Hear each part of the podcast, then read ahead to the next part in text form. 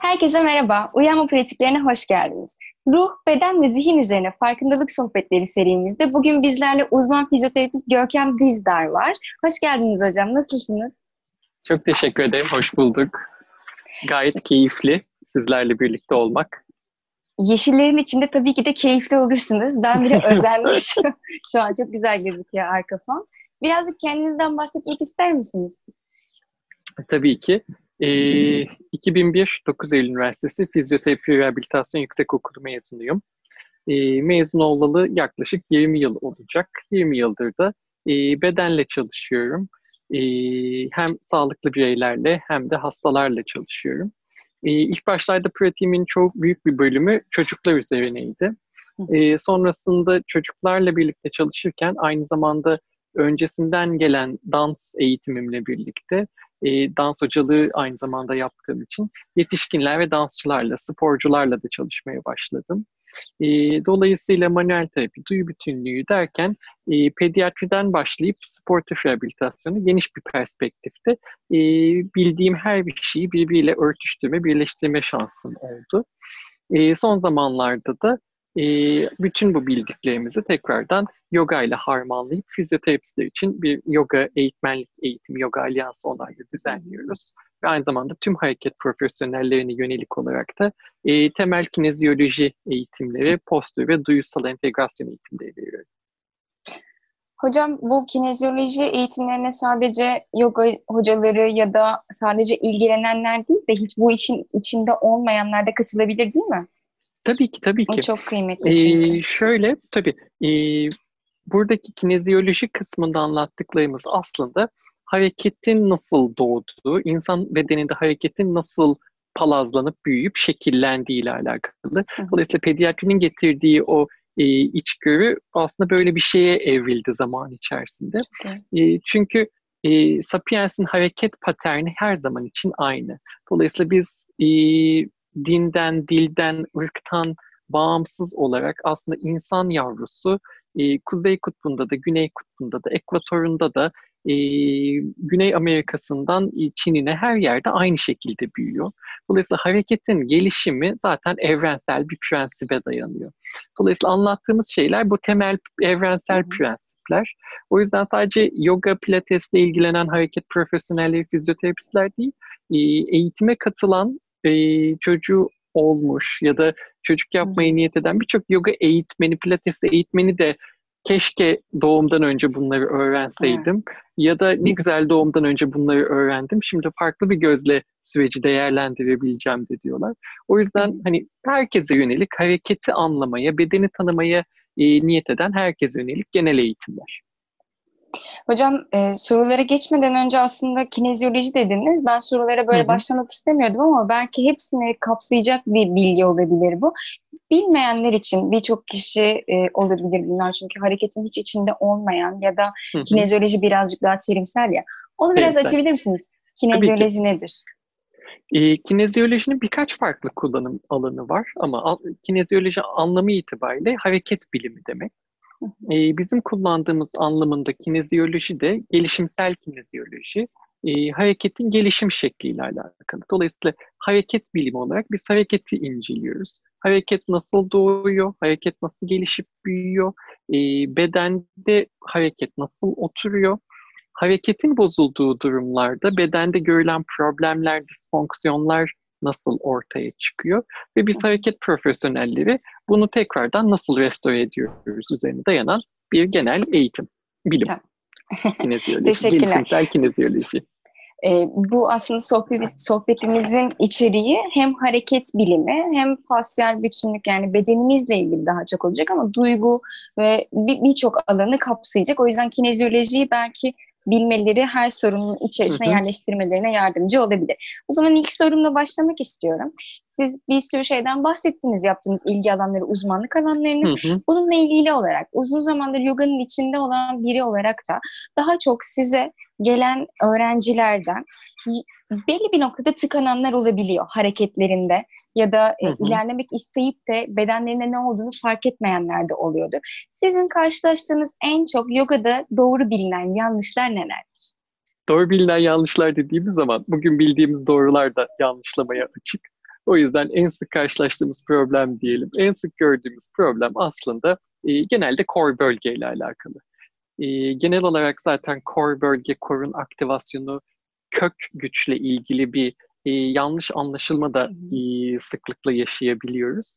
Ama core bölgedeki kuvvet azaldığı zaman yaygın olarak yapılan strateji kök güç yerine, core yerine e, ellerin, ayakların daha uç parçaların kullanılması oluyor.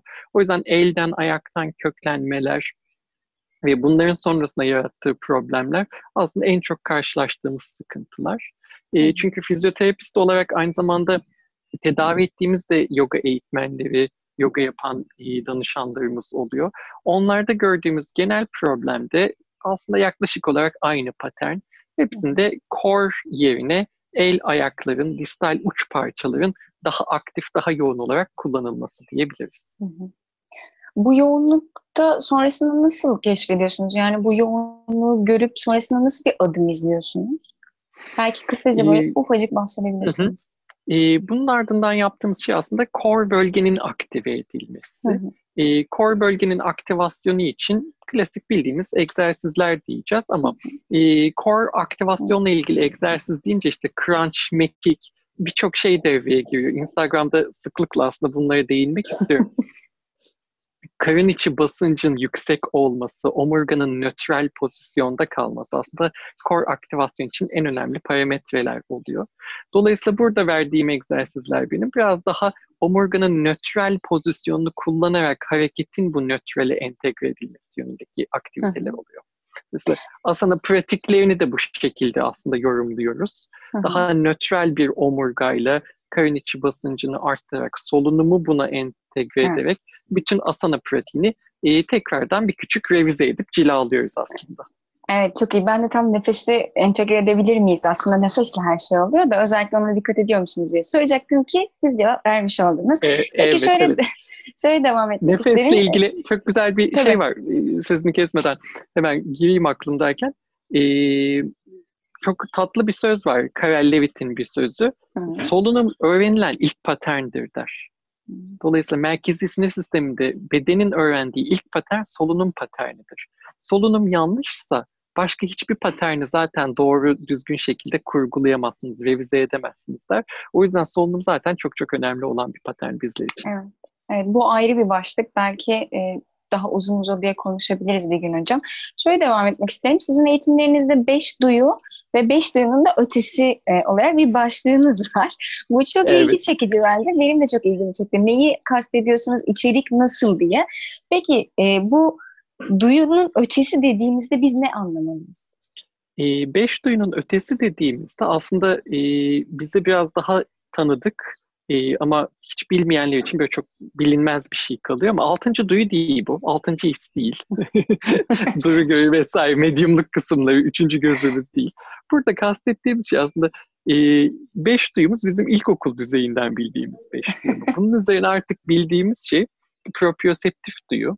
Yani eklemden, fasyadan, cildimizden, kaslarımızdan gelen bedenimizin uzaydaki pozisyonu ile ilgili, beden parçalarının pozisyonu ile ilgili olan duyu. Bir diğeri e, vestibüler sistem dediğimiz vestibüler duyu. Bu da iç kulağımızın içerisindeki denge merkezi, uzaysal konum ve pozisyonumuzu, biz evrende neredeyiz, evin neresindeyiz, boşluğun neresindeyiz, e, uzay ve biz arasındaki denge duyusu diye denilen ama bunun çok daha ötesinde bir duyu. Altıncı duyu dediğimiz şey de introseptif duyu. Introseptif duyu dediğimiz şey bizim otonom sinir sistemi dediğimiz otomatik çalışan iç organlarımız ve hayati döngümüzden oluşan duyu. Bu bizim günlük rutinlerimizden açlığımıza, tokluğumuza, susamamıza, e, bağırsak faaliyetlerimize, mesane hareketlerimize, sindirimize aslında bütün arka planda e, işleyen sistemle ilgili feedback duyusu e, introseptif duyu. Dolayısıyla bu beş duyu ve ötesi dediğimizde artık aslında sekiz duyu. Nasıl ki e, yogada işte sekiz basamağından bahsediyorsak e, duyunun da sekiz basamağı var. Nasıl ki yoga kelime anlamıyla bütünleştirmek, tam kılmaksa aslında duyu da bütünleştiği zaman hayatı bizler için anlamlı kılıyor. Dolayısıyla duyu bütünlüğü ve yoganın daha spiritüel pratik kısmı bilgeliği arasında paralellikler kurduğum bir eğitim yapıyorum. Bu üç modülünün üçüncüsünde duyu ile ilgili olan kısımda. Ee, çok güzel. Kesinlikle. Yani bu şekilde bir bağ kurmanız ve insanların kendi pratikleri içerisinde ya da günlük hayatında bile bunu entegre etmeleri çok çok çok iyi. Peki hocam siz bahsediyorsunuz gelişim basamaklarından. E, söze ilk başlarken Sapiens'ten bahsettiniz e, ve çocuklarla belki bağdaştırıyorsunuz hı hı. bunu. Kendi hareketinizi anlayabilmek için çocukları örnek alabilir miyiz? Çocukların e, bütün basamaklarını, emeklemesinin dönmesine her neyse bütün aşamalarını gözlemleyip kendimizi uyarlayabilir miyiz? Ve ek olarak şunu söylemek isterim. Biz daha bilinçli ya da bilinç düzeyinde kontrollü yaşıyoruz. Sizce bu hareketlerimizdeki doğallığı etkiliyor mu? Nefes bile olabilir belki etki, ekleyeceğimiz. tabii ki, tabii ki. Ya e, şöyle girebiliriz. E, ikinci sutra hani e, yoga is the inhibition of the mental process denilen yoga aslında zihinsel süreçlerin e, inhibe edilmesi, baskılanmasıdır dediği şey. Aslında biz işte çok fazla zihinde kalıyoruz. Hani bu dekortike olalım, korteksi kesip atalım demek değil ama korteksin aşırı aktivitesini biraz daha alt orta beyinle dengelememiz lazım. Hocam İkinci sözünüzü kesiyorum. e, korteksi de ufacık açıklarsak. Tabii ki. Korteks, e, beynimiz aslında bizim katman katman. Evrimleştikçe e, bu katmanlar da birbirinin üzerine biniyor en başta daha böyle ilkel beynimiz, sürüngen beynimiz var. Bu alt orta beyin. Bunun üzerinde korteks daha güncel olan, daha bize ait olan kısım. Ee, bizim e, zihinsel, bilişsel becerilerimiz geliştikçe bunun üzerinde de bir neokorteks var. Bu artık tamamen bizi e, günümüzdeki o zihinle alakalı, kognitif bilişsel beceriyle alakalı olan kısmını oluşturuyor. Dolayısıyla bizler çok fazla bu üst kısımda, neokortekste, zarda, üst kabukta kaldığımız zaman sürekli kafamızda düşünceler uçuşup duruyor. Yoga işte bizi bu uçuşup duran zihinsel kısımdan daha şifalanabileceğimiz alt orta beyne götürüp bu ikisinin dengesini kurmaya çalışan bir pratik aslında. Dolayısıyla ikinci sutranın bize söylediği işte o çok konuşan kısmın biraz sakinleştirilip hmm. daha alt orta beyindeki şifanın buluşturulması kısmı. Ee, burada çocuklarda niye yapabiliriz, niye izlemeliyiz kısmı. Çünkü çocuklardaki kısımda e, çocuklarda neokorteks bizdeki gibi yoğun ve baskın değil ve hareket her zaman alt orta beyinden geliyor e, çocukken hepimiz squat yap, yapıyoruz ama çocuğa kimse squat yapmayı öğretmiyor. Çocuğun squat'ı hiçbir şekilde enkarne edilip kirletilmemiş, bilgiyle sulandırılmamış, çok içten gelen, alt orta beyinden gelen şifalı bir squat. Dolayısıyla çocuğun yürümeye başlaması, emeklemesi ve hareketin bütün bu gelişimi işte alt orta beyinden gelen kısım. O yüzden aslında bizim de istediğimiz şey bir miktar bu üstteki aşırı aktiviteyi e, baskılayıp alt orta beyine biraz izin verip ikisini orta noktada buluşturmaktan geçiyor.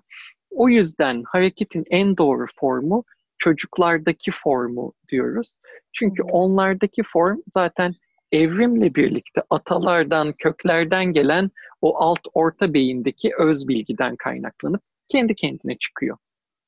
Evet bu zihinden uzaklaşmak ve anda kalmakla ilgili belki fizyolojik bir bağlantı olarak e, kurabiliriz bizler. Peki hocam kronik ağrılar yani kronik ağrılar bir türlü geçmek bilmeyen, sürekli ara ara rahatsız eden ve özellikle zihin konuştuğu vakit çok daha fazla rahatsız eden çok durumlardan daha. bahsediyoruz. Peki bunun üzerinde e, Kökeni nedir öncelikle bunu sorayım. Kronik ağrıların kökeni nedir? Ve ekstra olarak da sinir sisteminin kronik ağrılar üzerindeki etkisi nedir? Sinir sistemiyle nasıl çalışmalıyız ki bu ağrılardan kurtulmamız için bir adım atmış olalım? Çok çok güzel bir soru. Muhtemelen 21. yüzyılın bütün ihtiyaçları bu soruda yatıyor. E, kronik ağrı dediğimiz şey iyileşmesi gereken zamanda iyileşmeyi tamamlayamamış ve hala daha e, problem olmaya devam eden ağrılardan kastediyoruz. yara iyileşmesi için bizim işte 6-8 hafta, 12 haftalık o iyileşme periyodunda hangi yaralanma olursa olsun, ne tür bir problem yaşamış olursak olalım, bu işte diz ameliyatından kalça ameliyatına olabilir. Beden kendi kendini tamir edip onarıp iyileştiriyor. Hı hı. Doku iyileşmesinin tamamlanacağı sürenin ötesinde hala daha biz ağrıyı çekmeye devam ediyorsak, kişi bize gelip benim iki yıldır omzum ağrıyor, e, işte bir buçuk yıldır dirseğim ağrıyor diyorsa, bedende bir dokunun bir buçuk yıldır, iki yıldır, üç yıldır iyileşmemesi gibi bir şey artık çok söz konusu değil. O zaman burada e, ağrının kaynağının bölgeyle alakalı değil, aslında ağrının kaynağının beyinle alakalı olduğunu düşünebiliriz. Buna ben hep beyinle alakalı deyince psikolojik değil ama benim ağrım diyorlar. Evet ağrıları pek çok kişinin psikolojik değil. Bu daha ziyade nörolojik bir ağrı. Bunu şöyle anlatabiliriz. Hep verdiğim örnek benim fantom ağrısı.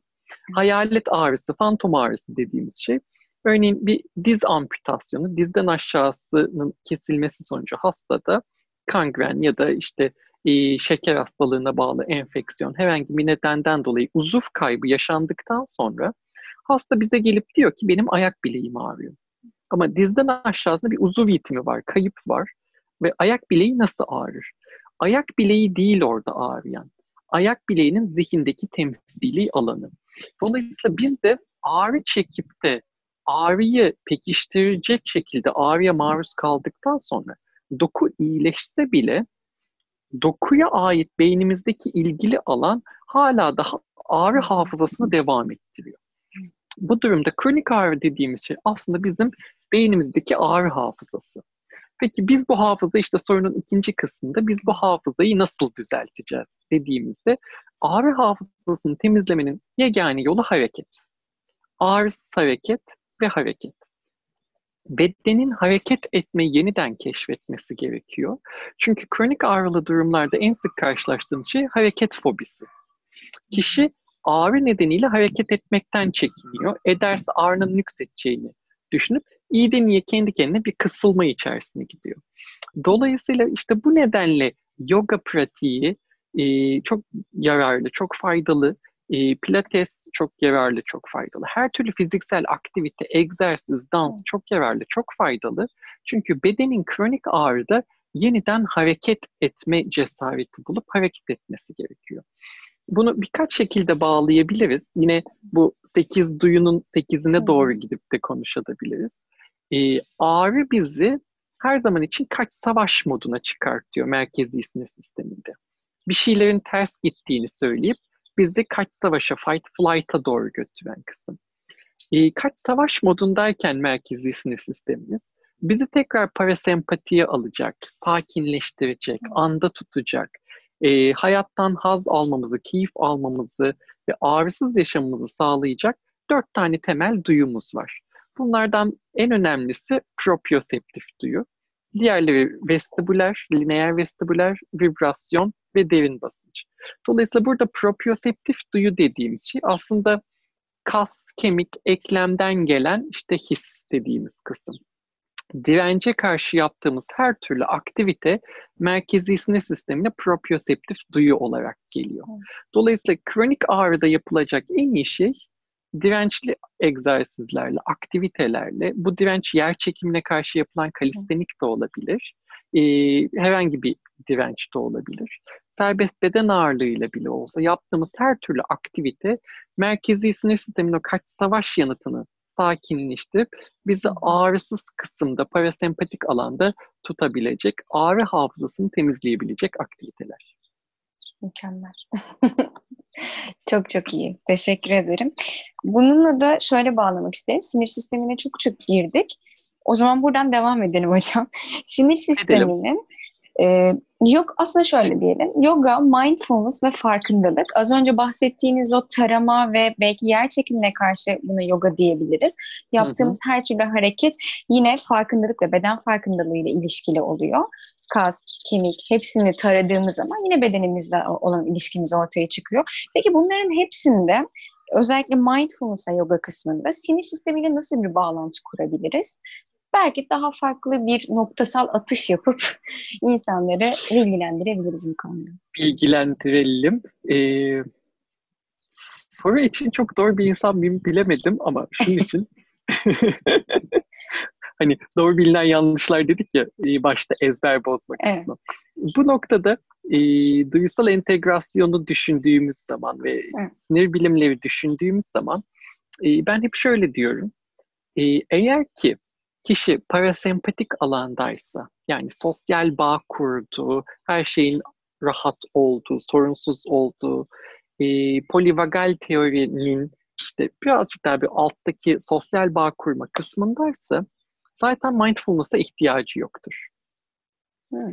Kişi eğer ki kaç savaş noktasındaysa ya da donma noktasındaysa, yüksek uyarılmışlıktaysa da mindfulness'ın faydası yoktur. Çünkü mindfulness bir farkındalık çalışmasıdır. Hmm. Ama biz kaç savaş anında etrafımızla oryante ve farkında olamayız.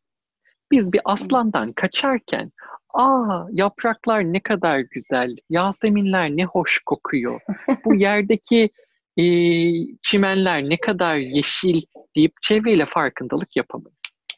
Dolayısıyla mindfulness ancak merkezi sinir sistemi regüle ise çalışabilecek bir durumdur. Hmm. Merkezi sinir sistemini regüle edip işte sakinleştirecek şey de az önce söylediğimiz gibi bedensel aktivite, fiziksel egzersiz.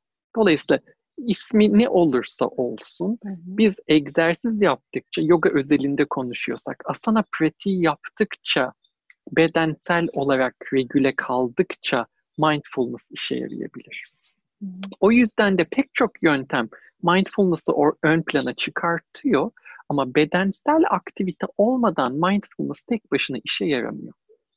O yüzden e, biraz daha ikisini bir arada götürecek bir yaklaşım benim tercihim olan kısım.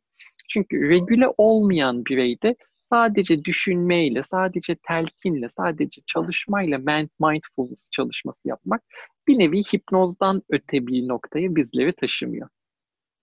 Evet. Ee, evet ezber bozduk hocam burada. Çünkü ben kendimden e, pay biçtiğimde şöyle bir şey çok taktıysam daha zihnin dışında kalmaya çalışıyorum fakat onu çok fazla başaramıyorum. Birçok kişide de etrafımda da böyle şeyler duyuyorum. Fakat egzersiz yaptığımda, yoga yaptığımda ya da bazen çok daha power bir şey, çok daha güçlü bir şey yapmak istiyorum. Ter atayım ve bedenimi tamamen çalıştırmış olayım her bir noktasına kadar. Sonrasında bunu yaptığımda mindfulness'ı çok daha etkili olduğunu görüyorum. Böyle bağlamamıştım. Çok iyiymiş. Şöyle devam ee, edecek olursak. Tabii. Yok devam edin. Devam edelim. ya söyleyin söyleyin. ee, okay. E, travmayla çalışan kişilerde, e, travma yaşamış bireylerde sıklıkla gördüğümüz şeylerden bir tanesi. Eğer ki freeze'in ötesine gidiyorsa sinir sistemi, donma oluşuyorsa disosyasyon dediğimiz çözünme görülüyor. Aslında kronik ağrı ile birleştirecek olursak kronik ağrıda da disosyasyon görülüyor. Bir süre sonra ağrılı beden parçasını yok sayıyoruz. Bir, bir nevi çözünme diyebiliriz disosyasyona. O beden parçasıyla merkezi sinir sistemi ilişkisini kesiyoruz. Böyle bir noktada bedensel tarama yapmakla sadece o parçaya ulaşmak her zaman çok mümkün olmuyor. Bu nedenle işte bir fiziksel egzersiz yaptığın zaman fiziksel egzersiz senin beden bütünlüğünü daha iyi algılamana fayda sağlıyor. Bunun üzerine yapacağın bir mindfulness pratiği zaten kendi zeminini bulmuş oluyor. Ama işte hepsinden önce bir beden pratiğiyle, bir fiziksel aktiviteyle birlikte mindfulness'a bir temel oluşturulmalı. Önce sistem regülasyona alınıp bunun üzerine gerekiyorsa mindfulness pratikleri gerek kalınıyorsa yapılmalı. Katılıyorum. Evet. Bence de. Ee, şöyle devam edecek olursam, yani sizce yogada çeşitli çalışmalar, aslında bunu bahsettik ama belki farklı bir başlık açabiliriz diye soruyor olayım. Soru hı hı. içinde soru cevap içinde cevap oldu bu konuşmada. Sizce yogada yaptığımız çalışmalarda çakra çalışmaları olabilir, yine beden taraması olabilir birçok alanda bazı duygu durumlarla karşılaşıyoruz biz. Ve bu hı hı. duygu durumlarda, durumlarında ve hislerimizde ortaya çıkan hislerde sonrasında dersten çıktıktan sonra bu hislerle baş başa kalıp bir şeyler üretmeye çalışıyoruz. Yani ne olduğunu tam olarak bilmiyoruz Ama bir şey çıktığının farkındayız ve bu çıkan duruma ve duygulara ne kadar güvenmeliyiz? Ne kadar güvenilirdir bu hisler ve duygu durumundaki değişiklikler? Ee, eğer ki buradaki hisler aslında e, ortaya çıkan hisler hmm, şuradan gireyim. E, yoga pratiği içerisindeki hislerimize çok güvenemeyebiliriz. Çünkü buradaki kısım yönlendirmeye açık olabilir. E, şöyle ki, evet şimdi e, gevşemeyi hissediyor musun? Dediğinde bu bir manipülatif soru. Çünkü zaten orada, Aa, evet hissettim. Bakın nasıl gevşedi.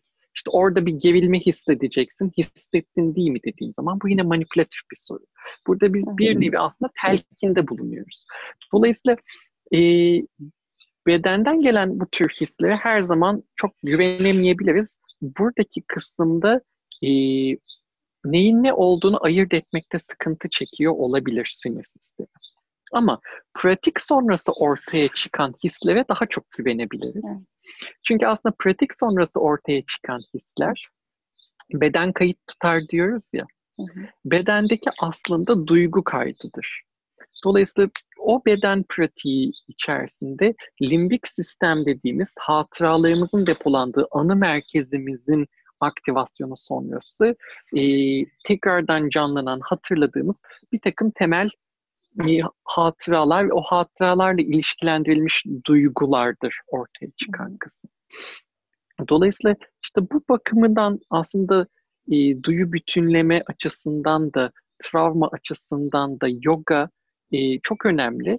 Çünkü aslında yoga beden yoluyla aslında bizim geçmiş hatıralarımıza, geçmiş anılarımıza, varsa travmalarımıza erişim sağlayabilmemizin bir yolu. O yüzden de travma bilgilendirilmiş, travma duyarlı yoga çalışmaları son zamanlarda çok daha ön plana çıkıyor.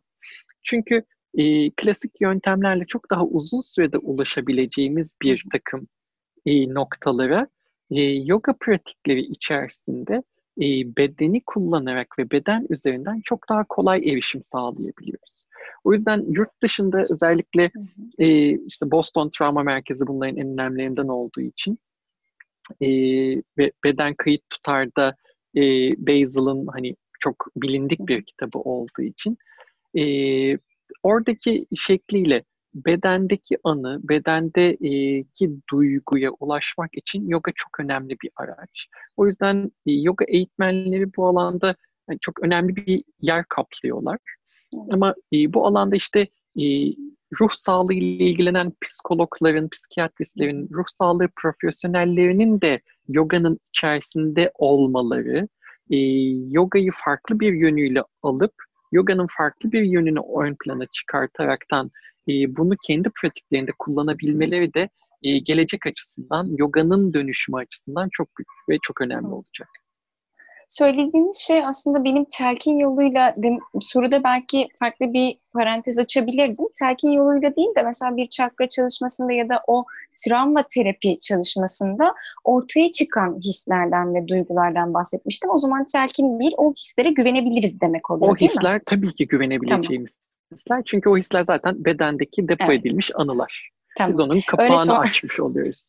Öyle sorsaymışım daha iyi olurmuş ama diğer evet. kısımda telkin İkisini de açıklamış olan olduk. Evet çok güzel oldu. Korku ve kaygılardan bahsetmek bahsetmenizi istedim. Oo. Korku ve kaygının kökeni nedir sizce? Bu bence çok hmm. önemli bir soru. Bana dokunacaktır. Korku, Korku ve kaygının kökeni e, bana göre duyu. Çünkü Korku ve kaygının kökeni bana göre duyu dememin nedeni şu. Ee, ilk duygun ne? İnsan olduğu için güvenlik duygusu hı hı. ve korku duygusu. Güvenlik duygusu nereden geliyor? Güvenlik duygusu aslında anneyle kurduğun bağdan geliyor. Ee, güvenli bağlanma diyoruz, anne çocuk erken dönem bağlanması diyoruz ama buradaki bağı kurabilmek duyusal sistemin sağlıklı işleyebilmesiyle mümkün oluyor. Ve duyu bütünlüğü teorisi açısından baktığımız zaman aslında anne çocuk bağlanmasından çok daha önemli bir güvenlik unsuru var. O da yer çekimi güvenliği. Dolayısıyla bizim için vestibüler sistem aslında bütün korkuların en temeldeki kaynağıdır. E, düşme korkusu, yükseklik korkusu, hız korkusu, handstand'e çıktığın zaman tepe taklak olan dünyanın korkusu. Ee, eğer ki ayağımızın altındaki toprağa güvenemezsek, bastığımız zemine, e, 7-24 bize e, üstümüze etki eden yer çekimine güvenemezsek, işte orada korku ortaya çıkar. Dolayısıyla e, korkular tabii ki birçok farklı şey üzerine ilave olacaktır. Ama korkuların en tebeline baktığımız zaman vestibüler sistem işte bu korkuların içerisinde çok büyük bir alan e, oluşturuyor. Güvenlik duygusu dediğimiz şeyde de işte bu bağlanmayla birlikte konuşuyoruz ama güvenlik duygusunu veren en önemli şey de derin basınç duyusudur. E, çünkü kendimizi güvende hissettiğimiz zaman birinin gelip bize sıkı sıkıya sarıldığı zamandır. Dolayısıyla o derin basıncı aldığımız, beden bütünlüğünü hissettiğimiz, tekrardan zihnin bedene ve bedenin bütünlüğüne gittiği an rahatladığı ve güvende hissettiği durumdur. E işte ağlayan bir çocuk gördüğümüz zaman gidip sarılmamız, içgüdüsel olarak yaptığımız, bir yerimiz incindiği zaman gidip sıkıştırmamız, sıkmamız, derin basıncı almamız, işte bir şey yok, bütünlük sağlam, güvendeyiz, tehlike geçti kısmı. Dolayısıyla kaygılarımız, korkularımız ve güvenlik dediğimiz zaman işin en temelini, en çekirdeğine bakacaksak vestibüler sistemle biz nasıl haşır neşiriz, yer çekimini nasıl algılıyoruz ve bunun dışında derin basınca ne kadar ihtiyacımız var, bu duyuyu nasıl karşılayabiliyoruz demek Hı. lazım. Korku dediğimiz zaman işte düşme korkusu, aslında bu bir yer çekimi güvensizliği. E, bu vestibüler sistemin e, problem ol, oluşturması. E, işte bir yerden bir yere atlarken ki korku, e, hareketli bir zemin üzerinde dengede durmaya çalışırken ki korku. Bunların altına bir sürü farklı şeyi koyabiliriz. E, hayvanlardan korkma dediğin zaman acaba hayvandan mı ürküyorsun, çekiniyorsun yoksa hayvanın sana vereceği e, etkiye ne şekilde uygun bir adaptif cevap oluşturamamaktan mı çekiniyorsun? Hmm. O zaman bu da bizi yine vestibüler sisteme götürüyor. Ben top oynuyorum ama voleybol oynarken toptan korkuyor dediğin zaman. Toptan mı korkuyor? Topun hızını algılayıp topun gelişine göre uygun cevabı oluşturamamaktan mı korkuyor? Bu da bizi yine uzay zamanı ve vestibüler sisteme götürüyor. Dolayısıyla aslında 8 duyu işte çok önemli çünkü aslında hepsinin temelini oluşturuyor. Tabii ki bu temelin üzerine farklı şeyler, yaşanılmış deneyimler, tecrübeler, travmalar eklenip sekonder birçok şey de gelişebiliyor bunlarla beraber. Hı hı. Ama İkinci sisteme ama. yaklaşırken e, sisteme yaklaşırken bu ikincil eklenilen problemler de çözülebilir ama temeli çözmek ve sonra bu ikincil, üçüncül problemlerle uğraşmak çok daha sağlam ve kökten bir iyileşme sağlayacaktır. Bunu ilişkileri de uyarlayabilir miyiz hocam? Yani ilişkilerdeki, ikili ilişkilerdeki dengeyi kurabilme ve karşı taraftan atılacak herhangi bir adımın karşısında o adıma mı güvenmemek yoksa kendine mi güvenmemek yoksa korku karşı tarafın yapacağı şeyden mi yoksa kendi içindeki korku mu? işte çok güzel kısımlar. Ee, bunlar aslında bir ruh sağlığı profesyonel daha derin konuşulabilecek kısımlar ama e, yine kendi açımdan baktığım zaman bunların temeli de aslında bir e, mental esneyebilme, yeniliğe açık olabilme, spontan olarak uyumlanabilme. Dolayısıyla bu da aslında praksis becerisi dediğimiz motor planlama becerisine dönüp dolaşıp geliyor. Çünkü bizlerin hep alışa geldiği belirli bir takım paternleri var zihninde. Biz bu paternler üzerinden çalışıyoruz. İlişkilerdeki paternlerimiz de anneyle ilişkimiz, babayla ilişkimiz, kardeşlerle ilişkimiz ve yakın çevreyle, aileyle olan ilişkimiz. Biz ne kadar spontan olarak esneyebilir, bu yaygın paternlerin dışına çıkabilirsek, tanıştığımız farklı insanlarla o kadar net problem çözme becerisi geliştirebiliriz. Ama biz hep aynı paternde kalıp problemleri hep alışa geldiğimiz eldeki donelerimizle çözmeye çalıştığımız sürece eldeki anneyle işe yarayan problem çözme, babayla işe yarayan problem çözme, sevgiliyle işe yaramayabiliyor.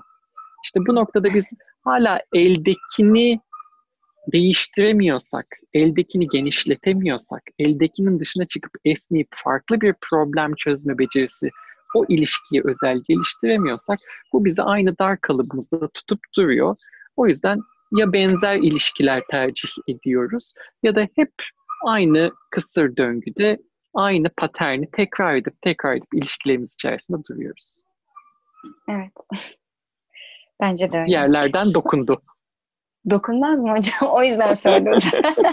Bence bütün izleyicilerin bir noktasına dokunmuştur. Ya geçmişte ya şu anda.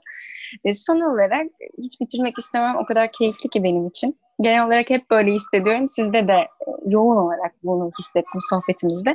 Çok son olarak şunu söylemek isterim. Siz zaten e, fizyoterapiye başlamadan önce de dansçıydınız anladığım kadarıyla. Evet. Dersini çalışmıştım ama öncesinde miydi yoksa fizik tedaviyle birlikte mi başladınız ona emin değildim. O zaman şöyle sormak isterim. Dans ve yogayı birleştirmeyi ne zaman, nasıl düşündünüz?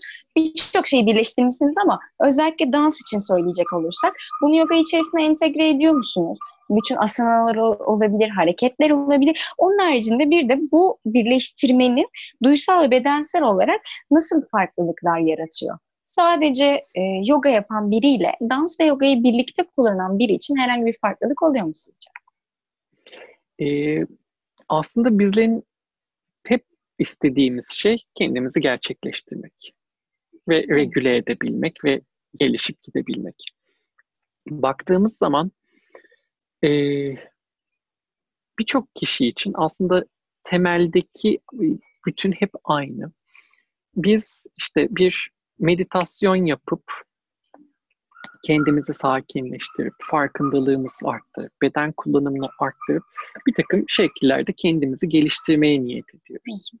Ee, yoga bunun için çok güzel bir araç. Ama işte herkes oturup da e, lotus pozisyonunda gözlerini kapayıp nefes sayarak meditasyon yapacak diye bir şey mümkün değil.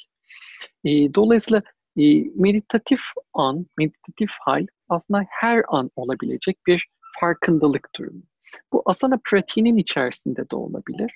Bu pilates yaparken de olabilir. Aydınlanma her an gelebilir. Çünkü aydınlanma dediğimiz şey de aslında bir regülasyon hali. Meditasyon, regülasyon, modülasyon bunların hepsi aslında benzer durumlar. Dolayısıyla dans dediğimiz şey de aslında e, tango için konuşacak olursam sosyal entegrasyonun olabildiği, kişinin beden farkındalığını geliştirebildiği, gerçekten anda kaldığı, ne bir adım öncesini ne bir adım sonrasını düşündüğü ve gerçekten o anda müziğin o notasında o partnerle bağ kurup zamanı sündürerek akıp gittiği bir meditatif hal. Dolayısıyla bu bakış açısıyla aslında tangonun yogadan, yoganın e, pilatesten, e, çok da bir farkı yok. Burada nasıl bir pratik yaptığımızdan ziyade pratikteki tavrımız ön plana çıkıyor. Dolayısıyla yogadaki kısım da aslında tavır.